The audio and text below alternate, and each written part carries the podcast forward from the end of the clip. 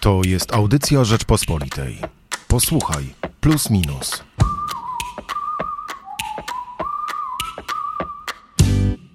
W tle pandemii i w pewnym stopniu wywołanej przez nią inflacji przybywa na świecie punktów zapalnych, które mogą doprowadzić do konfliktów zbrojnych. Ukraina, Tajwan, konflikt na granicy polsko-białoruskiej. Przykłady można mnożyć. O tych zagrożeniach zrobiliśmy kolejnego plusa minusa pod hasłem Nowy przepis na wojnę. Hubert Salik i Jędrek Bielecki, który jest naszym gościem.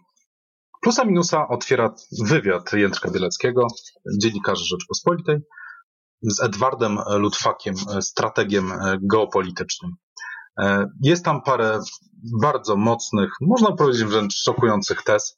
Zacznijmy od tej, od tej, która chyba wybija się jakoś na pierwszy plan. I tu zacytuję. Putin stopniowo stał się współczesnym wcieleniem Chingishana. Zbudował gangsterską kleptokrację. Jeśli to się nie zmieni, nawet przy najlepszej strategii Rosja przegra. Rosjanie powinni pobierać nauki u sycylijskiej mafii. Myślisz, Jędrek, czy te bardzo mocne słowa są bliskie prawdy, czy to taka jedno, zbyt jednoznaczna ocena? Dosyć negatywna dla Rosji.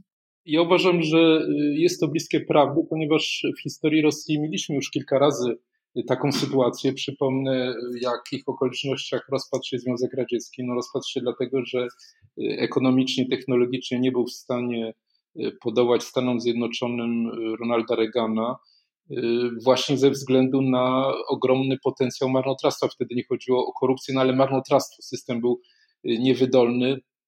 Podobnie oczywiście okoliczności były, były inne, przegrana czy, czy bardzo kosztowna pierwsza wojna światowa, no ale też rozpad imperiów carów, więc ta, ta niewydolność jest stałym elementem rosyjskiego systemu, Także, co może mniej dotyczy końcówki Związku Radzieckiego, ale przez, przez poprzednie setki lat na pewno była cechą Rosji, mianowicie gigantyczna polaryzacja dochodów. I tutaj Ludwak o tym wspomina, garstka ludzi wokół Putina, która decyduje i doprowadziła do takiej sytuacji, że nawet właśnie wzorem może być mafia sycylijska, układ, w którym ci, ci, ci oligarchowie tak rozkradają kraj, że się nie dzielą z tymi poniżej, no aż dojdą do, do pewnej desperacji. Więc tutaj bym się zgadzał. Natomiast też trzeba przyznać, że w tym wywiadzie Lutwak mówi coś bardzo pozytywnego o Rosji. Mianowicie mówi, że nie ma drugiego kraju, który ma tak znakomitą strategię, który potrafi tak dalekosiężnie myśleć, który potrafi przy słabych kartach tak doskonale grać.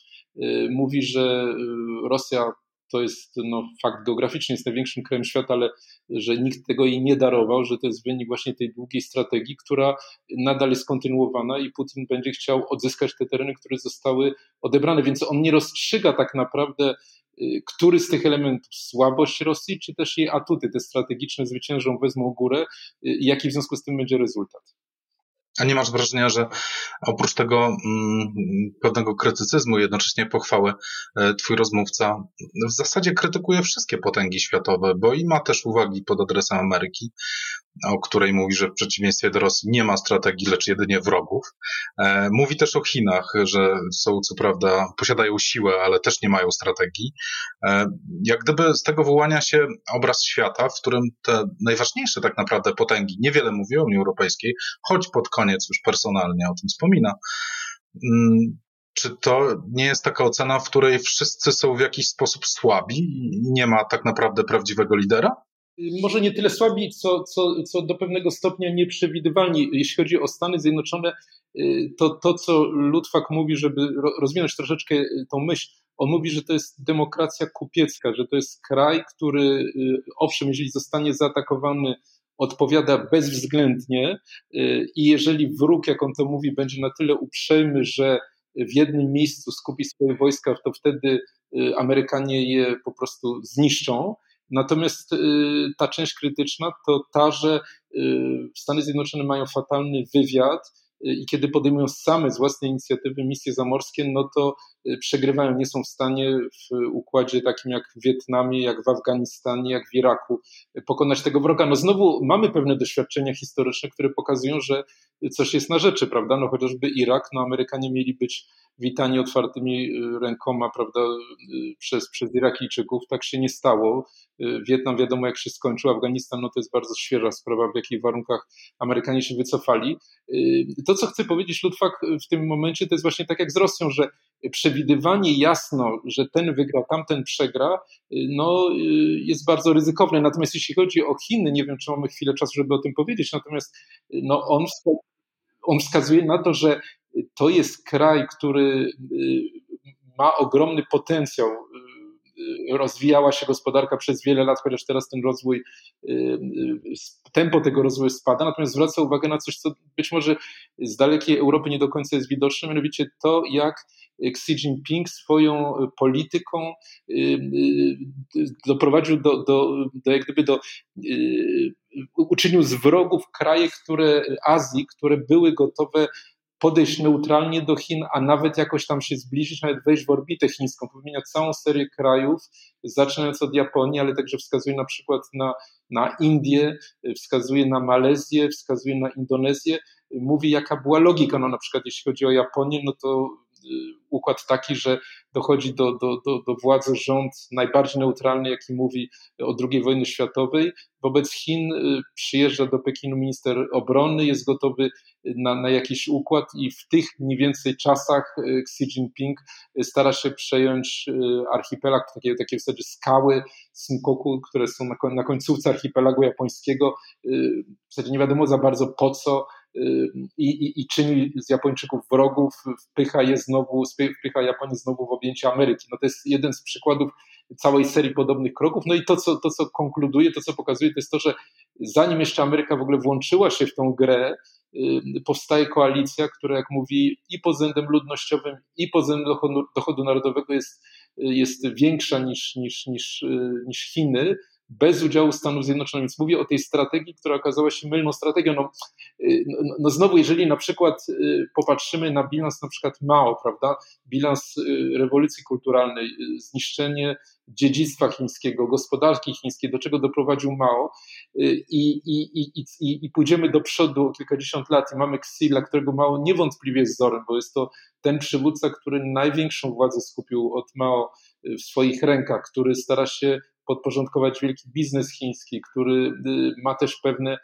nacjonalistyczne, imperialne ambicje, no to znowu coś jest na rzecz. Oczywiście to wszystko trzeba by zweryfikować, jak, jak, jaki będzie bilans, no ale, no ale y, na razie jesteśmy dzisiaj i chcemy mniej więcej wiedzieć, jaka jest sytuacja w tej chwili. Ja mam takie wrażenie, czytając ten wywiad, że mm, jeśli chodzi o opowieść o tych e, trzech potęgach, o Stanach Zjednoczonych, o Rosji i Chinach, krytyka ze strony Lutfaka e, za każdym razem dotyczy tego samego aspektu. Dotyczy aspektu siłowego.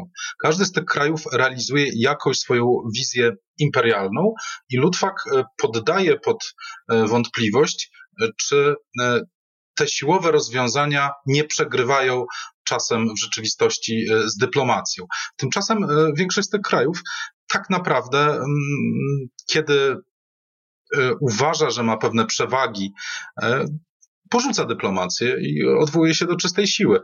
E, I te przykłady, o których mówisz, dotyczące Chin, Indii, Senkoku, które Lutwak podaje, jak też przykłady dotyczące klęsk amerykańskich w misjach zamorskich, czy to w Wietnamie, czy Iraku, choć warto tu zwrócić uwagę w przypadku Iraku, że była tutaj bardzo ważne znaczenie miał wewnątrzamerykański element polityczny, E, i też wizerunkowy, e, to, e, to, to, to jest jakiś wspólny mianownik. Nie masz wrażenia, że krytykując właśnie tą, ten imperializm, popełnia pewien błąd logiczny, gdyż koniec końców imperializm zawsze przejawia się jakimś pokazem siły. Znaczy ja myślę, że on wskazując na to, bo, bo, bo sam w tej chwili yy, mimochodem potwierdziłeś, mi się wydaje, pewną krytykę y, Ludwaka, tą dotyczącą Stanów Zjednoczonych, wskazując na powody, dla których y, Amerykanie przegrali wojnę w Iraku. No mówiąc o, tym, o tej debacie wewnętrznej, to jest to, co on nazywa demokracją kupiecką, czyli taką, w której po pierwsze wszystko się odbywa. Interesy Haliburtona i ropy, ropa naftowa w Iraku okazały się ważniejsze. To chcesz powiedzieć? Nie, chcę powiedzieć, że jest bardzo, bardzo jak gdyby niski, bardzo niewielka marża manewru Y, Amerykanów, władz amerykańskich, prezydenta amerykańskiego, zanim nie obudzi się sprzeciw opinii publicznej. No w końcu w Iraku y, zginęło bardzo niewielu żołnierzy stosunkowo, y, około pięciu tysięcy, no ale każda z tych śmierci była pokazywana w telewizji i to jest ta słabość, której Rosja nie ma i której Chiny nie mają i to jest ta demokracja kupiecka, czyli jak gdyby gotowość do kompromisu, kiedy przestaje nam się to opłacać. Kupiecka to może chodzić o ropę, to ten element kupiecka, tak? Natomiast demokracja to jest ten pierwszy element, ta, ta ta, ta, ta słabość. Y, y, więc y, tutaj wydaje mi się, że, że to mieszanie tych elementów siłowych z elementami, bo on mówi też o rozwiązaniach siłowych, na przykład odnosząc się do Tajwanu, prawda? Tutaj może możemy dwa słowa o tym powiedzieć. Ja akurat miałem taką okazję niedawno rozmawiać z ministrem spraw zagranicznych Tajwanu, który tutaj tak, takiego wywiadu udzielił Rzeczpospolitej. I wielu, wielu uważa, że to jest miejsce w którym dojdzie do wybuchu trzeciego konfliktu y, światowego, jeśli Stany Zjednoczone przyjdą z pomocą, przyjdą z odsieczą Tajwanowi. Y, pytany o to, czy Amerykanie przyjdą z odsieczą, minister W minister spraw zagranicznych mówi, że każdego dnia e, zadajemy sobie to pytanie. No, e, sytuacja bardzo napięta. Tymczasem Lutwa właśnie mówi tutaj już na zasadzie nie strategicznej, tylko siłowej. Mówi, że przewaga e, amerykańsko-japońska, bo Japończycy według niego na pewno się włączą w ten konflikt, jest tak ogromna, że po prostu Chińczycy nie będą w stanie mm, podołać, stawić czoła przede wszystkim okrętom podwodnym tych obu krajów, nie do, które są nie do zidentyfikowania przez, przez Chińczyków, wręcz nazywa y, marynarkę wojenną chińską kartonową i uważa, że tutaj sprawa jest całkowicie oczywista. Y, no jego przewaga nad, nad nami chyba polega na tym, że on ma jednak jakiś tam dostęp do nie do końca jawnych danych.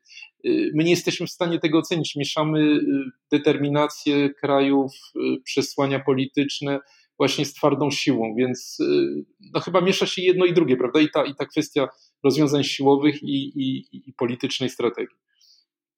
Tak, zdecydowanie ten wywiad jest o obu tych rzeczach. Ja tylko mówię o tym, że on krytykuje e, rozwiązania siłowe, które są immanentną cechą e, dążeń imperialnych i one e, do nich zawsze dochodzi. I myślę, że żaden, żaden kraj, który te imperialne marzenia posiada, koniec końców, końcu znajduje się w sytuacji, w której musi się do tej siły odwołać, albo nawet jeśli nie musi, to jednak się do niej odwołuje. Ale, ale przy okazji Rosji on, on, on tego nie mówi? Wydaje mi się, że mówi, bo mówi o Ukrainie, o tym. Y, Ale tak. właśnie tutaj się zgadzamy absolutnie. Właśnie chodzi o to, że to jest ta płaszczyzna wspólna. Tak. E, ale on tego nie mówi explicite. On po prostu za każdym razem krytykuje te rozwiązania siłowe, a ja teraz mówię, że przed nimi zwykle nie ma odwrotu, jak wskazuje historia. Tak? Koniec końców e, imperializm to też jest zbudowany na poczuciu jakichś przewag i koniec końców po te przewagi w pewnym momencie się sięga. Natomiast jeśli chodzi o to, o czym wspomniałeś, tą jego ocenę Chin, czyli no, tekturowej marynarce wojennej czy flocie, nie wiem, czy tutaj y, największym błędem strategicznym Ameryki ostatnich 20 lat jest właśnie pewne niedocenienie Chin. Jeszcze 20 lat temu, nie wliczając to Hongkongu, mm, który dopiero przechodził w chińskie ręce, mm, Chiny były 25 gospodarką świata. Teraz są drugą i nagle e, z mm, poczucia absolutnej wyższości nad e, rywalem no wtedy nie rywalem, e, doszliśmy do punktu, kiedy to jest główny konkurent Ameryki o rząd dusz na świecie i, i, i te zagrożenia Ameryka najzwyczajniej zlekceważyła. Nie jestem też do końca przekonany, czy mówiąc słowa o tekturowej marynarce, Edward Ludwak, mimo całej swojej wiedzy i pewnie większej liczby informacji, do których ma dostęp, znowu nie lekceważy Chin. Ja nie wiem, czy tutaj była kwestia tylko lekceważenia Chin, czy też była kwestia założenia, które było powszechne na początku XXI wieku, a mianowicie takiego, że jeżeli otworzymy gospodarkę amerykańską, gospodar rynek amerykański na eksport chiński, jeżeli pozwolimy. Od razu eksportujemy demokrację. Bardzo eksportujemy demokrację, to znaczy, że Chiny pójdą prawda, drogą Tajwanu, Korei Południowej i tak dalej, staną się częścią naszego świata. To było to założenie na przykład w 2001 roku, kiedy Bill Clinton zgodził się na przyjęcie Chin do WTO. Nie wiem, czy to założenie nie okazało się mylne, czy to było tylko kwestia, mhm. kwestia lekceważenia. Mi się wydaje, że że, no bo Chiny są wciąż na poziomie dochodu narodowego na mieszkańca Białorusi, to, to, to, to wciąż nie jest tak bogaty znowu kraj, y, no ale jest magia, znaczy jest jak gdyby efekt liczby, efekt mnożnika przez 1,3-1,4 miliarda osób. Y, Właśnie to działa w dwie strony. Per capita to też dzielisz przez te miliony, y, a miliardy nawet. I to też nie jest doskonałe porównanie. Więc, więc w tym sensie mogę, mogę się zgodzić, że tutaj to założenie Ludwaka, taka pewność siebie może tak samo się skończyć, jak się skończyło to założenie z 2001 roku, że Chińczycy automatycznie jako przejdą na system demokratyczny i, i wygrają. No więc, y, no ale to jest, to jest, to jest urok przewidywań, prawda? Mhm. Wróćmy, a może pójdźmy w kierunku, który dla polskiego czytelnika może być najbardziej interesujący, bo tak naprawdę na początku waszej rozmowy e, Edward Ludwak mówi, i tu zacytuję, Polska nie powinna zbytnio wierzyć, że przed rosyjską inwazją uratować ją mogą Amerykanie. Kiedy przyjdzie co do czego, Amerykanów nie będzie. No to może budzić e, przestrach w naszym kraju taka wypowiedź.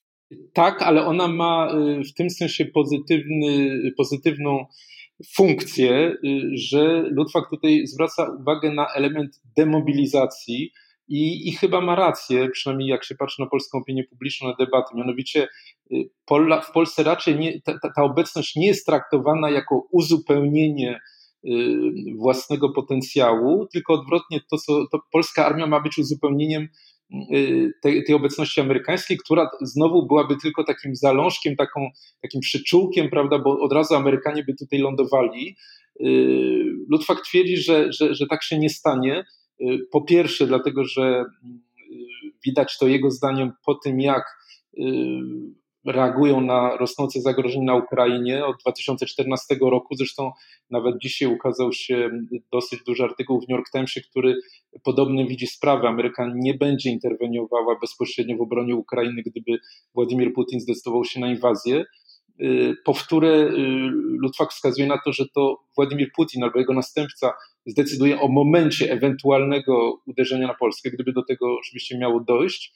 I wreszcie mówi, że ta symboliczna grupa tych pięciu tysięcy żołnierzy no nie ma za bardzo y, skąd uzyskać tej, tej, tego wzmocnienia, no bo y, w Niemczech jest około 30 tysięcy żołnierzy, przerzucenie dywizji y, ze Stanów Zjednoczonych jest już znacznie trudniejszą operacją, czasochłonną.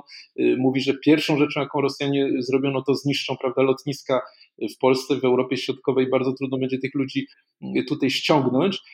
To, co on mówi, to jest to, żeby sobie uświadomić, że, że, że jeżeli ta odsiecz, ta, ta pomoc amerykańska nie jest pewna, to co należy robić? Należy liczyć przede wszystkim na siebie, Wskazuję tutaj na dwa przykłady dwóch krajów, które poszły tą drogą. Izraela, ale przede wszystkim Finlandii. Finlandii, która y, zupełnie inną ma strategię, nie należy, jak wiadomo, do NATO, y, nie ma, jak wiadomo, wojsk amerykańskich na swoim terytorium, nie chce bronić bardzo długiej, półtora tysięcznej y, kilometrowej granicy, która nie jest naznaczona z żadnymi przeszkodami naturalnymi. To, co Finowie chcą zrobić, to kiedy Rosjanie się pojawią na miejscu, no to wtedy, wtedy wojsko zawodowe, ale przede wszystkim wojsko z poboru y, zacznie, jak to mówi on, rzeź. To znaczy jest to tak dobrze wyszkolone wojsko, że po prostu y, ci, ci Rosjanie w tych swoich czołgach, zaraz kiedy wyjdą z nich, zostaną osaczeni, no i, i po prostu, y, no i po prostu liczba ofiar będzie ogromna. No, no i znowu, jak się patrzy na doświadczenie Finlandii, nie tylko na wynik wojny fińsko-radzieckiej, ale później na to, że Kreml zawsze pozwalał, jak wiadomo, Finlandii na utrzymanie daleko idącej autonomii gospodarczej, politycznej, y, no to chyba coś jest na rzeczy, znaczy jest to, jest to, jest to pożywka do myślenia, to co on mówi, y, żeby troszeczkę spojrzeć inaczej na ten nasz system obronny i jak on mówi, spowodować, że dla Kremla będzie absolutnie jasne, że cena zajęcia Polski, czyli rozpoczęcia wojny przeciwko Polsce będzie tak gigantyczna dla, dla Rosji, być może trochę jak Afganistan, choć tutaj przykład jest oczywiście tylko do pewnego stopnia porównywalny, no że po prostu Rosjanie tego nie mówią. Tutaj znowu powraca do tej myśli, że, że nie ma kraju, który miałby tak dobrą strategię, tak przemyślaną, tak realistyczną jak Rosja, więc jeżeli Rosja będzie widziała to, no to, to, to, to, to nie ruszy na, na, na Polskę. Taka jest jego myśl. Czyli trochę idąc tym fińskim tropem, można powiedzieć, że jedyną nadzieją dla Polski są wojska obrony terytorialnej. Tak, to, jest, to jest prawda, z tym, że oczywiście on mówi, że to musiałby być pobór powszechny, każdy powinien mieć w tym udział. Szkolenia nie powinny trwać, nie wiem, kilka lat, czy rok, czy, czy wiele miesięcy. Nie, to powinny być szkolenia bardzo krótkie, za to bardzo intensywne, uwzględniające atuty każdego. Także mówi na przykład osoby niepełnosprawne mają swoje miejsce w Finlandii. To wzbudza pewien patriotyzm, ale to jest jak gdyby no, poczucie głębokiego sensu takiego działania. Najbliższym plusie minusie, oprócz bardzo ciekawego wywiadu z Edwardem Lutfakiem, autorstwa mojego gościa Jędrka Bieleckiego, znajdą Państwo również tekst Jacka Cieślaka o powikłanej biografii Tadeusza Różewicza, Piotra Zaręby o coraz silniejszej pozycji Zbigniewa Ziobry w obozie władzy oraz Tomasza Terlikowskiego o tym, jak prawica e, poszła w kierunku narodowego pogaństwa zamiast chrześcijaństwa. Zapraszam Państwa do kiosków i na stronę www.rp.pl. Hubert Salik i Jędrek Bielecki. Dziękuję bardzo. Słuchaj więcej na stronie podcasty.rp.pl. Szukaj Rzeczpospolita Audycje w serwisach streamingowych.